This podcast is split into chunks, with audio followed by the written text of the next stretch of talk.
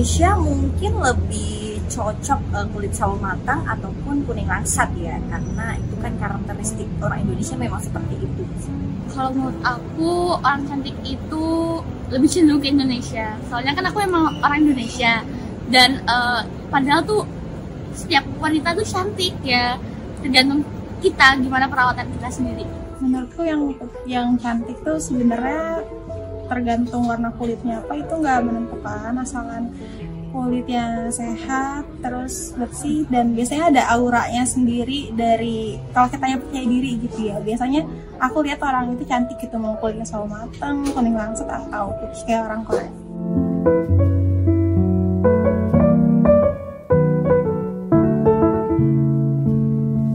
lebih suka mau dia Yunda sih? Mau dia Yunda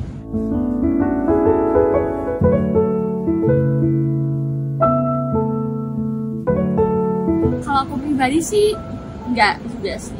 Mau karena kulit dia bagus banget ya tapi uh, dengan kulit aku yang sekarang ini juga aku udah percaya diri sih.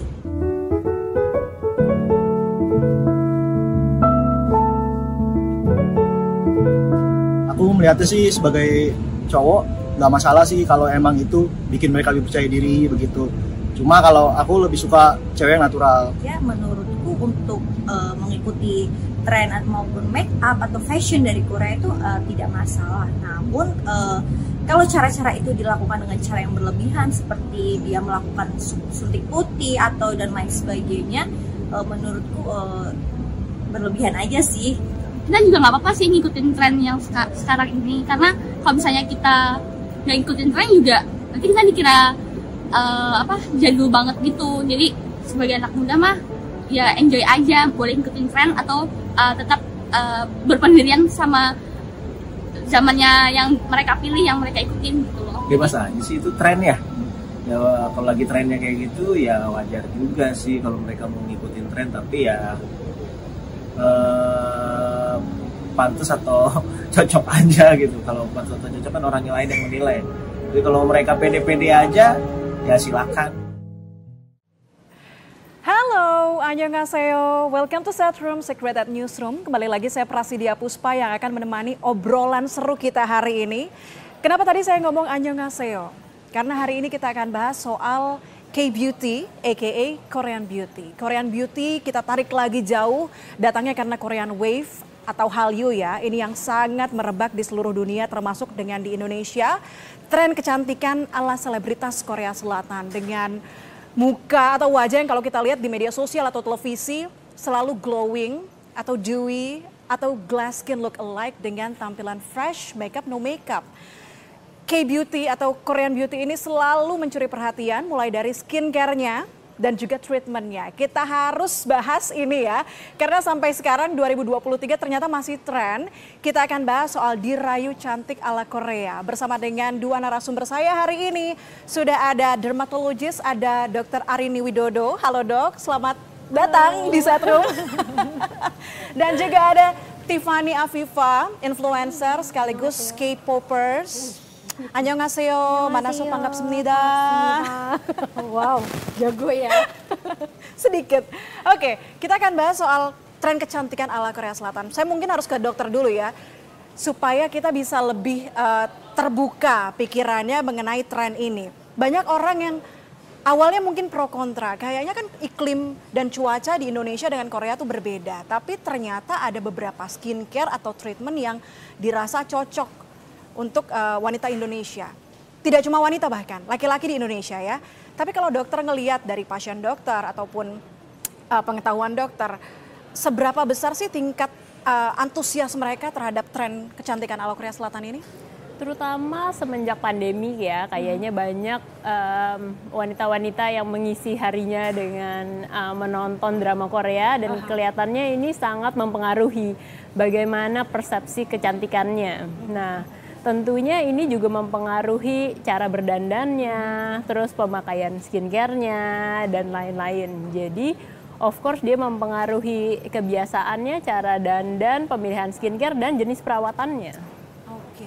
Nah, kalau dari soal skincare, apa memang secocok itu dengan wajah-wajah Korea Selatan yang kita tahu udaranya di sana sejuk begitu ya, lembab. Di di sini panas, kering. Apa memang secocok itu dok? Pada dasarnya namanya skincare itu tidak bisa kita pastikan kalau skincare dari Korea itu pasti tidak cocok sama kulit Indonesia Mhm. dan sebaliknya. Dan bahwa misalnya kalau skincare lokal pasti akan lebih baik dengan kulit Indonesia Mhm. karena tidak begitu. Karena namanya individu tetap itu personalized. Oke. Namanya skincare tetap harus kita sesuaikan dengan problema kulit, Aha. tipe kulit dan lain-lain. Tetapi asumsi yang dulu kita menganggap oh skincare Korea itu didesain buat orang Korea, sebenarnya tidak begitu. Karena uh, skincare skincare Korea yang sekarang dan mereka udah gigantic company dan mereka tahu they will distribute it worldwide. Jadi mereka memang sudah membuat suatu uh, produk kosmetik bahkan skincare atau maksudnya produk yang kita kategorinya obat ya untuk perawatan seperti yang sekarang lagi tren misalnya salmon DNA dan lain-lain mereka uh, sudah tahu bahwa mereka akan mendistribusikan tidak hanya di Korea maksudnya mereka sudah um, akan mengimpor produk tersebut ke berbagai uh, wilayah Jadi sudah Sehingga- riset bagaimana behavior, bagaimana iklim, bagaimana tipe kulit dari sehingga mereka masing-masing sudah negara. membuat produk yang uh, tidak semata-mata untuk uh, bangsa Korea sendiri. Mm-hmm, Jadi sehingga kita tidak bisa um, menjudge bahwa sebuah produk skincare Korea sebenarnya didesain untuk orang Korea saja. I see. Oke. Dan namanya skincare tersebut juga tentunya tidak berarti oh skincare Korea itu uh, cocok untuk orang Korea. Karena orang Korea sendiri juga ada yang tipenya berminyak, ada yang tipenya kering. Kemudian dari usia, ada yang usianya mulai dari teenagers, ada yang usianya sampai umur 70-an. Itu tentu memiliki range yang berbeda-beda. Sehingga pilihan untuk skincare kita sebenarnya harus lebih disesuaikan dengan hal-hal tersebut ketimbang kita memilih dia produk buatan mana saja. Oh, oke. Tidak harus melulu uh, melihat artis Korea yang glowing langsung ikut dengan apa treatment dari artis tersebut gitu ya. Harus dicek dulu apa kebutuhan kita, apa masalah kulit kita. Kalau Tiffany, tadi kata dokter Ari ini kan sejak pandemi boomingnya sebetulnya. Kalau Tiffany udah dari kapan ngikutin tren kecantikan ala Korea Selatan? Kebetulan karena aku suka K-pop tuh dari 2010 cukup Ah, Oke. early. Jadi udah dari sekitar 2012 2013 lah aku tuh udah mulai tertarik sama produk-produk skincare dan juga make up Mhm. dari Korea gitu. Jadi cukup lama sih kalau aku. Apa yang bikin tertarik dengan tren kecantikan mereka? Eh, pastinya tergiur dengan visual ya, walaupun agak jauh tapi usaha, ya kan. Jadi dulu mungkin mikirnya, oh mungkin eh, itu bisa di-achieve kalau kita pakai produk-produk yang emang dari sana gitu. Apakah lebih berefek dan segala macam. Terus juga kayak makeup makeupnya juga kan warna-warnanya lebih Korean-ish gitu. Jadi mulai tertarik lah ke arah sana dulu gitu. Dulu mungkin belum banyak invasi produk Korea ke Indonesia ya. Susah dulu. Jadi belinya Yes. Langsung ke sana? Just tip, kayak beli dari sana dikirim Aha, ke sini aha. yang jadinya mahal gitu. Kalau Aha, enggak aha. pas ke sana borong gitu kan buat nyetok gitu dulu. Kalau sekarang udah gampang banget. Aha, aha. Nah tapi kan gak cuma skincare, ada treatment juga dok. Kita tahu eh, treatment-treatment yang bikin orang itu punya bentuk wajah kayak selebritas Korea Selatan. Dokter ngelihatnya seperti apa? Pasien-pasien ini apa memang mereka punya keinginan untuk serupa dengan artis-artis Korea Selatan atau ingin lebih cantik dari apa ya? Dari diri sendiri aja gitu. Betul, jadi sekarang treatment-treatment di klinik dan pasien-pasien yang eh, memiliki persepsi kecantikan tertentu datang ingin mengubah penampilannya. Nah, salah satunya yang sedang trending misalnya treatment eh, injeksi salmon DNA karena si injeksi salmon DNA itu membuat pori-porinya kecil, tadi membuat lebih dewy, lembab. Kemudian kalau dipegang lebih kenyal. Kemudian eh, juga eh, ingin wajahnya yang V-shape. Ah, itu. Nah, tapi ini juga memang tren em, kecantikan yang ramai di klinik Korea sendiri. Jadi di orang Korea sendiri memang misalnya mereka melakukan tindakan botox rahang, terus mereka melakukan tindakan-tindakan yang menggunakan misalnya radio frequency, menu- menggunakan ultrasound untuk membuat wajahnya menjadi V-shape. Nah, kadang-kadang juga bukan wanita tapi pria juga sekarang eh, arah kecantikan bukan kecantikan kegantengan laki-laki Korea dan laki-laki misalnya Western Aha. itu total berbeda. Aha, aha. Jadi ini juga yang juga uh, mulai uh, ramai ada di uh, tren-tren kecantikan yang ada di klinik juga. Tapi sebetulnya kalau kita bicara standar kecantikan yang dulu digembar-gemborkan oleh uh, Western gitu ya, harus tinggi, langsing, kulit putih, dan ketika bergeser ke arah Korean Wave ini sebetulnya nggak jauh berbeda, karena kulit putih juga tinggi, langsing semua kalau kita lihat gitu. Definisi, uh, definisi cantik kalau dokter lihat dari pasien-pasien dokter tuh seperti apa sih? Kalau pertama sebenarnya semua orang memiliki definisi cantik yang berbeda. Jadi kita tentunya sebagai dokter harus menyamakan persepsi. Karena cantik menurut saya dengan cantik menurut pasien saya akan berbeda. Sehingga persepsi tersebut harus kita samakan.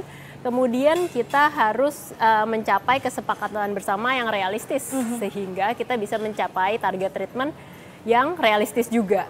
Jadi kadang-kadang memang misalnya uh, kalau tren di kulit Korea itu misalnya um, kulitnya misalnya lebih putih, uh, kemudian pasien menginginkan kulitnya lebih putih, tentu kita bisa mencerahkan kulit. Tapi akan tetapi sebagaimana extend kita bisa mencerahkan kulitnya, selalu misalnya saya bilang misalnya dari badan yang tidak terpapar matahari, yang tiap hari ada uh, tertutup baju, ya mungkin maksimalnya segitu. Aha, aha. Jadi kira-kira misalnya orang dari skin tone-nya dia kita bisa turunin satu atau maksimal dua, tapi nggak bisa uh, skin tone-nya turun terlalu jauh. Misalnya dia tipe kulit Fitzpatrick 5, kita mau buat dia menjadi tiga itu terlalu jauh. Oh, oke. Jadi paling enggak lihat dari warna kulit yang jarang uh, terkena sinar matahari begitu ya? Betul. Oh, Kemudian juga dari kesehatan kulitnya. Kadang-kadang kan nomor satu yang kita lihat selain warna kulit kan juga mereka flawless ya. Nah, mesti diingat bahwa yang namanya flawless ini artinya dia bebas dari masalah kulit. Jadi sebenarnya bukan hal yang buruk sih. Maksudnya bahwa seseorang ingin kulitnya flawless. Artinya kalau mau flawless itu nomor satu namanya akne juga pasti harus nggak ada kan ya pasti nggak nggak ada bisul-bisul Aha. nggak ada masalah kulit nggak ada iritasi artinya barrier kulitnya cukup baik nah artinya dijaga dan dirawat dengan baik. Jadi em, menurut saya sih banyak hal baik ya apabila mereka mengacu ke kulit yang baik asal dia sehat. Nah mungkin yang kadang-kadang yang mesti kita luruskan hanya sekedar misalnya warna kulitnya saja apabila seseorang yang menginginkan warna kulit yang jauh lebih putih dari skin tone-nya. I see. Kalau Tiffany, definisi cantik apa kalau untuk dirimu pribadi? Definisi, can- definisi cantik menurut aku sehat dan percaya diri ya. Balik lagi kayak tadi karena untuk menurut aku nih apalagi kita di Indonesia kan etnisnya macam-macam ya. Range juga dari warna kulitnya juga ada yang benar-benar putih sampai yang uh, sawo matang dan juga gelap gitu. Jadi uh, bagaimana menurut aku yang cantik itu kita merawat jadi kulit kita tuh sehat dan percaya diri aja gitu karena nggak mungkin juga kalau kayak aku tiba-tiba mau kayak Bae Suzy gitu Eh, kayaknya dokter eh, yang kayak operasi plastik juga ah sorry nggak bisa gitu jadi menurut aku cantik tuh lebih di kayak sehat dan percaya diri kenapa sehat makanya orang juga nggak bisa cuek-cuek banget ya kayak ah aku cantik apa adanya jadi nggak ngerawat kulitnya Ah. dan segala macam jadi tetap harus menurut aku dirawat supaya sehat dan percaya diri Tapi kalau standar cantik Korea, Bae Suzy atau siapa? Eh, standar cantik Korea iya. Sebut nama. Banyak.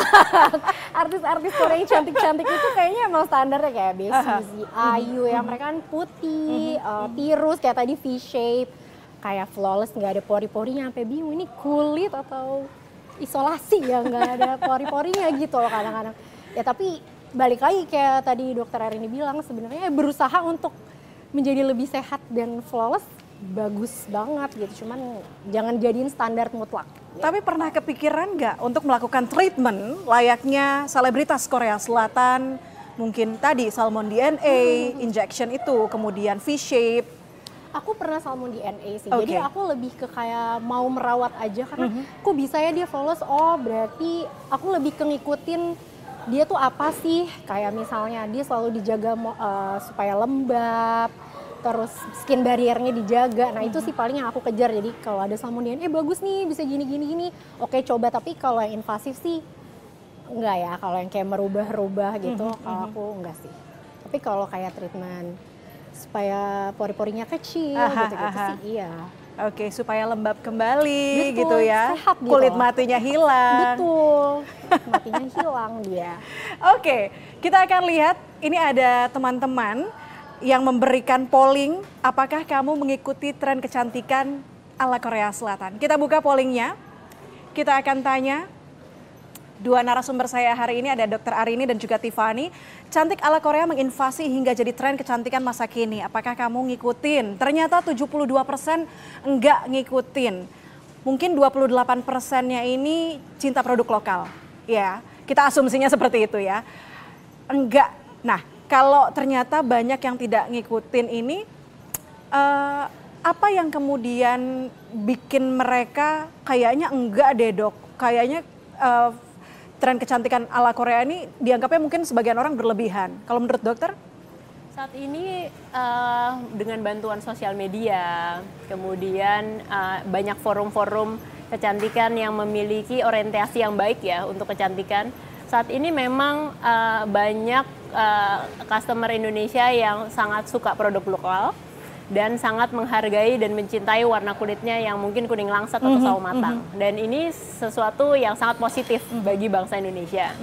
Karena ini lebih em, tentu lebih realistis dan kemudian em, dan kita juga menjadi bangga untuk cantik ala Indonesia. Dan itu akan membawa nama bangsa kita sendiri.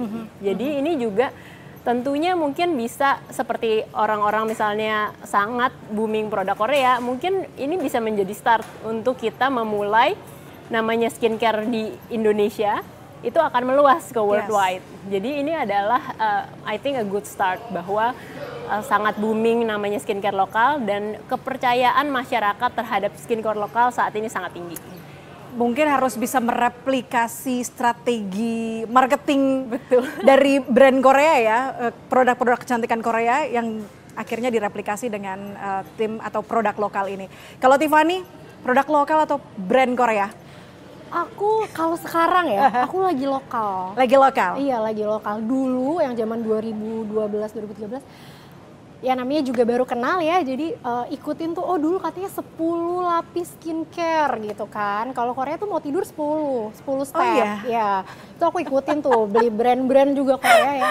Ternyata nggak cocok, malah breakout. Terus Aha, aku ada aha. kehitaman di tempat-tempat eh, di beberapa tempat gitu. Jadi abis itu aku mulai lebih wise. Oh ternyata yang diikutin itu goalsnya aja sesuai dengan masalah kita apa gitu. Kayak cukup kayak aku sekarang less is more dan aku alhamdulillah cocok sama produk lokal sekarang. Jadi aku lebih banyak lokal sih sekarang. Oke, skincare rutinnya apa? Cuman bersihin muka, sabun muka, terus eh, pelembab, serum pelembab udah. Sama sunscreen wajib. Sunscreen adalah wajib setiap hari harus kita pakai ya Iya, dok? aku benar-benar kayak less is more banget sekarang karena ternyata lebih cocok di kulit Aha, aku. aha. Tapi bener nggak dok skincare rutinnya? Langsung sama dokternya. Aduh, jangan dong. Kok aku udah jadi evaluasi. Betul, saya setuju dengan Tiffany bahwa saat ini kalau ada yang namanya skin, skin trend sekarang skin minimalism. Aha. Dulu memang namanya uh, 10 step Korean skincare memang booming. Tapi sekarang kayak sepertinya orang-orang sudah lebih aware dan yang sekarang kita acu adalah namanya skin minimalism. Ada betul kata Tiffany ada tiga basic skincare yang um, wajib dipakai adalah pertama cleanser yang sesuai dengan tipe kulit wajah. Kedua adalah moisturizer untuk memperbaiki barrier kulit, menjaga kelembaban kulit, dan yang terakhir adalah sunscreen yang direaplikasikan dan digunakan sesuai anjuran. Oke, nah kalau tadi ternyata banyak orang yang ngikutin 10 step skincare sebelum tidur dari mulai essence, toner, serum dan segala macamnya gitu ya. Bahaya nggak sih dok sebetulnya mengikuti begitu aja step-step itu tanpa kita tahu kandungannya apa, cocok nggak dengan kita? Tentunya kita harus tahu kandungannya apa. Jadi banyak sekarang sejujurnya saya tanya eh, pakai skincare-nya apa gitu. Misalnya kalau datang ke praktek, tapi mereka cuma sebut mereknya aja. Padahal kita tahu sendiri satu merek sebenarnya Bisa banyak bisa ya. dia punya kayak 40 jenis. Dan yang penting adalah ya dia pakai yang mana dan ingredients-nya apa. Pada dasarnya em, orang kan juga ada yang namanya susceptibilitas individu. Mhm. Kalau kita pakai satu skincare sama kita 10 skincare, tentunya eh, kemungkinan kita nggak cocoknya jadi 10, kali- 10 kali lipat. Aha, aha. Nah, itu yang menjadi concern juga. Jadi meningkatkan kemungkinan tidak cocoknya. Kalau orang mau layerin skincare, biasanya kayak saya kasih tips, at least kita coba satu-satu. Satu coba, terus habis itu yang ini udah cocok, mau kita coba yang kedua boleh. Dengan masing-masing harus kita lakukan skin test mandiri.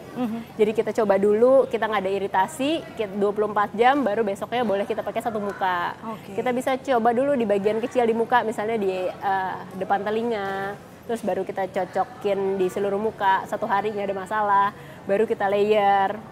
Terus kalau kita tiba-tiba nggak pernah pakai skincare, tiba-tiba kita pakai 10, terus kita merah, kita nggak tahu yang mana.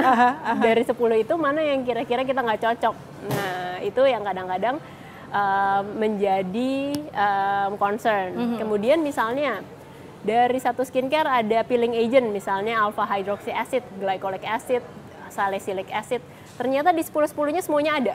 Oke. Nah, ternyata kan menjadi uh, peelingnya menjadi dan konsentrasi produknya menjadi terlalu tinggi. Aha. Dan yang kita mesti tahu adalah setiap produk juga ada anjuran pakai. Dan mereka kan tidak uh, menutup kemungkinan mereka tidak tahu bahwa kita pakainya karena kita 10 layer dengan Dan nggak mungkin dipakai daily semuanya. Betul. Gitu ya. Ada yang dua hari sekali atau tiga hari sekali dan sebagainya. Iya. Itu yang harus diriset lagi sama teman-teman pengguna uh, brand atau skincare yang ada di Indonesia. Nah, kalau Tiffany kan sering manggung, jadi penyanyi nih, penyanyi Korea. Wah, lagu-lagu Korea. Nyanyi dikit boleh nggak? Ada apa ya? Kalau ditodong lupa nih.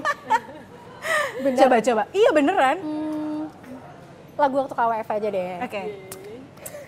You 도대체 문제가 뭐야만 좀 해봐 Yeah you 주도하는 거야 제격주심인 거야 boy Nah, Tiffany kan sering manggung, nyanyi Hmm. lagu Korea. Pasti ada semacam pressure. Hmm. Harus bisa tampil bak selebritas Korea Selatan dengan gaya mereka, dengan tampilan wajah mereka. Ada nggak sih kadang-kadang pressure itu yang bikin kamu akhirnya memaksakan diri untuk kayaknya pakai make up ini deh, kayaknya Hmm. pakai skincare ini aja deh, biar bagus. biar bagus aku enggak sih alhamdulillah ya mungkin karena aku juga udah sadar betul feature muka aku tuh nggak bisa juga kalau misalnya mau dipaksain masuk ke feature wajah orang Korea gitu. Tapi mungkin aku lebih mengkiblatkan kayak misalnya oh bagus ya ternyata eyeshadow peachy gitu ala-ala orang Korea. Aku coba oh cocok aku pakai gitu. Kayak misalnya eh, apa namanya eh, pengen glass skin gitu. Karena makeup tuh semakin natural semakin susah loh. Kayak achieve-nya gitu Yes. tuh semakin susah semakin natural itu. Tapi aku berusaha untuk eh tapi bagus ya gitu Mhm. atau enggak kayak blush on di bawah mata jadi kayak lagi flu gitu kan Sakit demam ya? Iya kayak demam kan itu tren dari sana juga. Aku kalau misalnya mencoba-mencoba untuk dijadiin uh, referensi, iya. Tapi kalau pressure sendiri untuk tampil bawain lagu Korea, penampilannya harus kayak Korea sih, enggak ya. Justru aku uh, lebih kayak mau nunjukin identitas diri aja kayak, oh yaudah gue orang Indonesia, gue nyanyi lagu Korea gitu. Kayak nggak masalah untuk nyanyi orang, eh untuk nyanyi lagu Korea kita nggak harus Jadi seperti mereka. orang Korea gitu. Gitu Jadi ya. Oke. kalau pressure ke sana sih nggak ada. ada. Tapi apa yang harus diperhatikan kalau orang kita, Hmm. orang Indonesia pengen tampil bak selebritas Korea Selatan kalau dari Tiffany Hmm, sendiri? Kalau dari aku yang pertama skincare sih yang paling penting. Entah kenapa ya dibanding semua makeup karena uh, Korean itu kan natural glass skin glowy gitu. Kalau misalnya kulit kita bariernya nggak bagus, jadinya kering, makeup nggak nempel, itu lebih susah banget untuk achieve uh, makeup ke arah sana gitu yang glowing dan glass skin. Jadi menurut aku yang paling penting tuh justru di skincare mensehatkan kulitnya untuk achieve itu karena kalau misalnya ngelihat orang Korea tuh emang kulitnya wuh gitu kan makanya mereka pakai makeup sedikit aja tuh kayak oh udah bagus banget. Lah kita ditempel lagi ditempel lagi. Masih ada pori-porinya gitu kan. Walaupun Jadi- udah nari-nari kayak apa pun keringetan kok nggak Ah, ah, Ini ya, luntur ya, ah, gitu Jadi ya. aku lebih concern ke yang paling penting di skincare-nya sih. Karena kalau misalnya make up-nya sebenarnya nggak jauh beda. Mereka tuh justru lebih kayak yang penting soft lens, bulu mata cantik udah. Ah, oke. Iya kan. Oke, tadi Kayak gitu. beauty minimalism.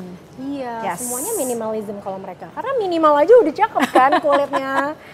Oke, next kita akan lihat polling dari medsos. Ini mengapa standar kecantikan Korea jadi tren di Indonesia? Coba kita buka. Menurut kamu kenapa standar kecantikan ala Korea jadi tren di Indonesia? Kalau katanya Ed Sahil Layaumi, karena bisa bikin awet muda. Terus berikutnya karena orang Indonesia sangat terobsesi punya kulit putih seperti orang Korea Selatan. Terus berikutnya dari Aniswe karena terkenalnya budaya K-pop dan berikutnya karena cowok zaman sekarang pilihnya yang muka plus bodinya kayak orang Korea Min. Gitu. Dokter, harus muka dan wajah, wajah dan badannya harus seperti orang Korea Selatan. Artinya semua full package gitu ya. Ada nggak sih dok kadang-kadang pasien yang mau udah semuanya sekalian slimming dan Betul, sebagainya. sekarang jadi slimming juga menjadi tren. Jadi banyak orang ke klinik untuk slimming. Dan itu sebenarnya tidak masalah asalkan kalau sebelumnya dia overweight atau obese. Jadi sebenarnya kan kita mau dia mencapai ke BMI normal. Tapi bukan tidak ada banyak orang-orang yang BMI-nya udah normal, dia cuma pengen lebih kecil Oh, lagi, oke. lebih kurus lagi. Dan uh, pada dasarnya semua tren Korea ini kita ambil maunya yang bagusnya aja, jangan kita ambil yang jeleknya. Misalnya uh, banyak orang yang misalnya jadinya operasi hidung. Nah itu kan sebenarnya udah mengubah fitur wajah. Kalau dia um, sekadar mau membuat kulitnya plump, mau membuat teksturnya halus, tentu pasti kita dukung. Dan itu sesuatu yang positif yang bisa menjadi motivasi. Akan tetapi mesti diingat bahwa kita tidak melakukan hal yang uh, ini kan sifatnya tren. Namanya operasi kan sifatnya permanen. Oke.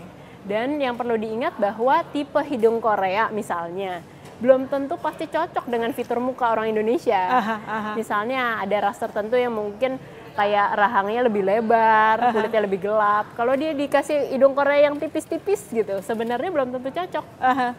Jadi ini kan sebenarnya persepsi yang em, tidak terlalu tepat lah. Jadi dengan dan tidak terlalu cocok dengan definisi cantiknya orang Indonesia. Jadi eh, menurut saya adalah triknya adalah kita mengambil sesuatu jalan tengah yang kita bisa ambil baiknya aja. Misalnya ada satu tren nih yang lagi ngetren dan menurut saya sih tidak seharusnya diikuti. Misalnya dia malah filler eh, bawah mata supaya matanya jendol. Egiosal. Oh, Iya, oke. betul. Jadi Tinggal malah- pakai concealer putih aja ya. betul. Sekarang make upnya juga begitu kan? Selain make upnya ditambahin kantong mata, orang-orang dulu mau ngilangin kantong mata, sekarang mereka mau tambahin Kan kantong udah mata. ada hasil begadang. Betul, alhamdulillah. Jadi mereka mau tambahin, tadinya pakai makeup aja, sekarang mereka filler. Jadi Oh, mereka tambahin supaya jadi gelembung gitu. Jadi kan ini suatu tren yang ya namanya tren kan come and go, Yes. ya kan? Jadi kita harus uh, lebih kritis dan lebih wise dalam memilih-milih namanya treatment Korea, skincare Korea yang pada dasarnya apakah ses- masih sesuai sih sama um, identitas kita sebagai orang Indonesia. Oke, kalau bicara soal surgery, kita sering banget lihat di medsos ya banyak banget orang yang sengaja pergi ke Korea Selatan untuk mengubah wajahnya, mengubah tampilan wajahnya sampai kalau pulang tuh harus yang masih tembem, ada darahnya dan sebagainya. Temannya Tiffany atau pernah nggak sih ada pengalaman mungkin di sekeliling Tiffany ada yang melakukan hal itu? Ada, Ada. ada aja. heeh. Gimana kamu ngelihatnya? Eh, kalau aku sih pribadi lebih ke masing-masing aja. Kalau aku sih enggak. Tapi kalau misalnya itu bisa membuat Percaya dia diri ya? Lebih percaya diri, lebih bahagia hidupnya, ya itu pilihan hidup masing-masing sih. Oke, kembali ke pilihan hidup masing-masing. Tapi apa yang harus diperhatikan dok? Apa perlu kita ke Korea Selatan untuk mengubah wajah? Apakah tidak ada di Indonesia atau apakah lebih aman di sana? Apa yang harus diperhatikan? Nah, ini kan persepsi masing-masing. Sebenarnya yang pergi ke sana pasti mereka uh, memiliki visi dan misi kecantikan ala Korea yang sedang kita bicarakan ini. Makanya mereka fly there dan mau dokternya harus dokter orang Korea. Langsung? Heeh, karena mereka mau tipe hidungnya oh ya sama persis nih sama K-pop tersebut. Jadinya itu yang menjadi alasan mengapa mereka ke sana. Tapi yang harus diperhatikan yang tadi nomor satu bahwa harus perhatikan bahwa yang namanya tren, namanya tren bisa berubah. Ya. Kedua adalah kecocokan dengan diri sendiri.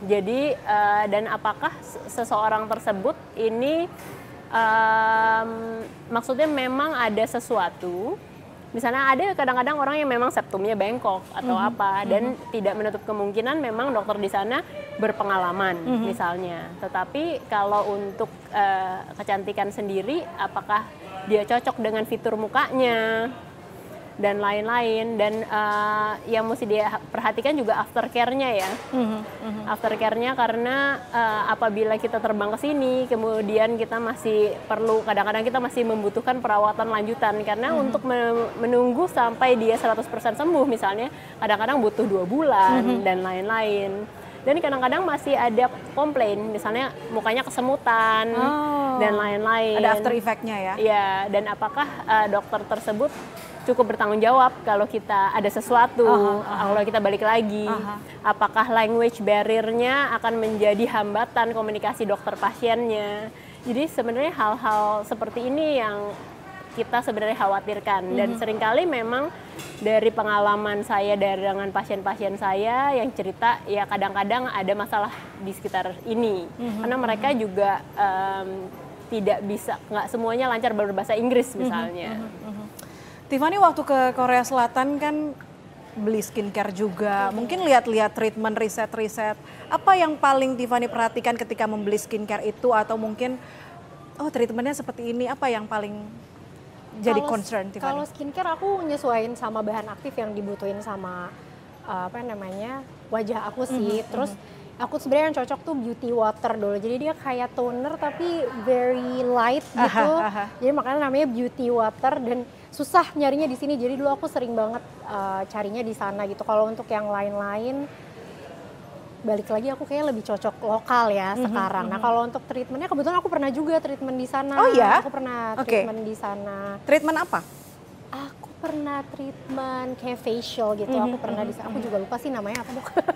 Tapi pokoknya aku udah udah lama deh aku di sana. Terus aku pernah juga uh, filler bawah mata di sana okay. dulu Dibilang, nah, ada barriernya nggak kalau tadi dikatakan dokter Arini? Nah, di sana itu jadi karena mereka sudah sadar bahwa global phenomenon aha, nih kan aha. kayak Korean treatment dan skincare, mereka itu di setiap klinik punya um, kayak medical representative atau translator yang benar translate-nya tuh berbagai negara. Jadi oh. ada yang in, uh, in charge buat Indonesia, Thailand, China dan segala macam. Jadi untuk dan si uh, representatif atau si translatornya itu udah juga harus belajar medical terms. Mm -hmm. Jadi kalau waktu aku karena nggak invasif, sih aku nggak terlalu merasa ada uh, language barrier karena ditranslate ya. Tapi aku nggak tahu kalau misalnya yang sampai harus perawatannya lama mm -hmm. dan segala macam uh, bakal ada language barrier atau enggak. Tapi karena backgroundnya bukan medical, mungkin pasti ada sih ya aha, mungkin aha. di beberapa orang. Tapi menikmati, menikmati hasilnya? Oke okay.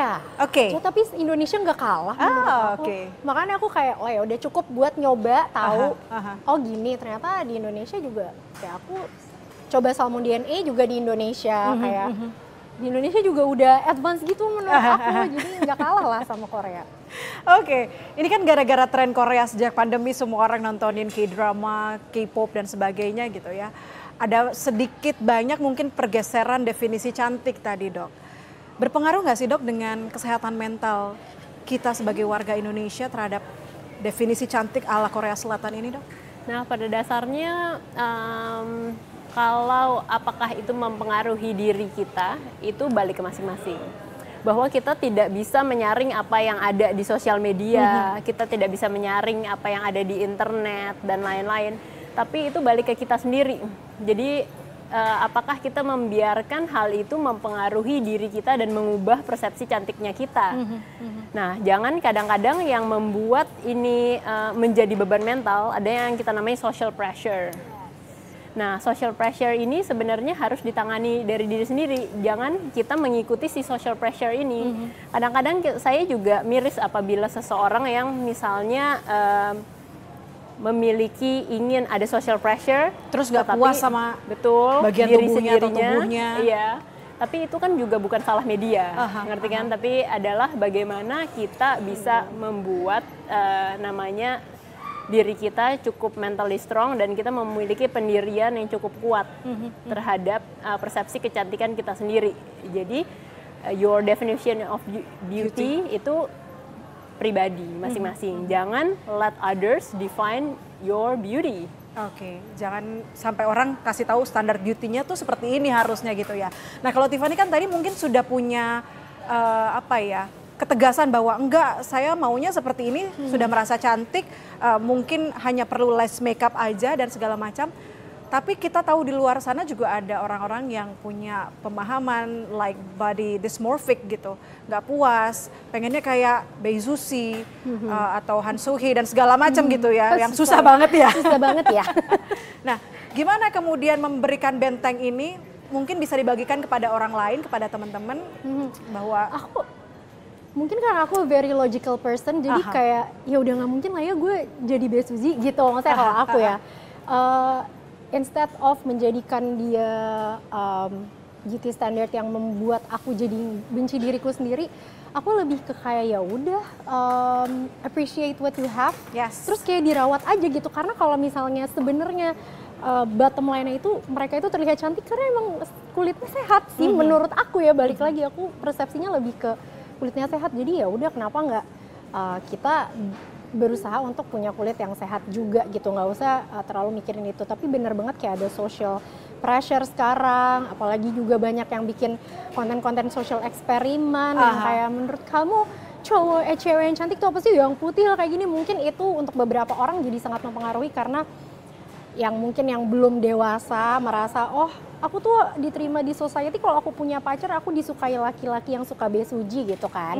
Tapi seiring berjalannya waktu mungkin dengan konten-konten seperti ini jadi banyak juga yang sadar kalau uh, yang enggak itu itu enggak benar gitu. Kayak uh, yang membuat kamu cantik adalah ketika kamu merawat diri dan appreciate sama percaya diri Oke. gitu. Basicnya adalah kulit yang sehat ya dok. Betul. Iya, itu yang iya, harus bener. yang harus dijaga, yang harus dirawat. Kalau kulit sudah sehat, kita mau makeupnya less sedikit pun pasti sudah cantik dan harusnya sudah membuat diri kita percaya diri. Uh, Dokter Arini terakhir menutup perjumpaan kita dalam Secret at Newsroom. Bagaimana kemudian kita orang Indonesia supaya bisa lebih mencintai tubuh kita dengan karakter yang kita miliki? Pada dasarnya kita harus bijaksana dalam memilah-milah namanya tren kecantikan. Karena mungkin saat ini lagi tren kecantikan Korea, tetapi nanti lain kali akan ada tren kecantikan lain. Yang kita harus cukup bijaksana dalam menyikapi tren-tren ini, apakah ini sesuai dan sehat untuk kulit kita. Jadi pada dasarnya adalah kita harus meningkatkan awareness. Jadi saya senang sekali bahwa di acara ini kita juga membantu ingin meningkatkan awareness para pemirsa sekalian bahwa namanya uh, kecantikan itu adalah persepsi pribadi. Kayak nobody can define our uh, Beauty beauty, standard, standard. ya? Mhm. Oke, Tiffany setuju ya? setuju banget Setuju banget ya. Nggak boleh ada yang mendefinisikan standar kecantikan selain diri kita sendiri. Betul. Ya. Dan tadi kalau kata dokter Arini bilang bahwa tren kecantikan itu come and go. Jadi jangan terjebak dengan tren-tren yang mungkin bisa mengubah wajah total secara signifikan. Tapi yang perlu diperhatikan adalah punya kulit sehat, harus dirawat, harus dijaga gitu. Sesuaikan uh, tren kecantikan ini, sesuaikan skincare atau treatmentnya dengan kondisi kulit, dengan uh, tekstur dan segala macam supaya hasilnya juga, juga maksimal ya dok? Oke, itu dia tadi perbincangan kita mengenai dirayu cantik ala Korea Selatan. Jadi gimana Anda mau tetap treatment ala selebritas Korea Selatan atau mungkin tadi kayak Tiffany produk lokal aja udah juga kece kok sekarang ya. Well itu dia tadi diskusi kita hari ini mengenai dirayu cantik ala Korea Selatan. Gimana Anda masih tertarik mungkin mencoba treatment ala Korea Selatan atau menggunakan skincare untuk menjadi ala-ala selebritas Korea Selatan? Silakan, pilihan ada di tangan Anda. Tapi tadi jangan lupa perhatikan kondisi kulit atau kondisi wajah supaya sesuai dan hasilnya bisa maksimal. Well, saya Prasidya Puspa undur diri. Kita jumpa lagi di Secret at Newsroom selanjutnya. Sampai jumpa, bye-bye.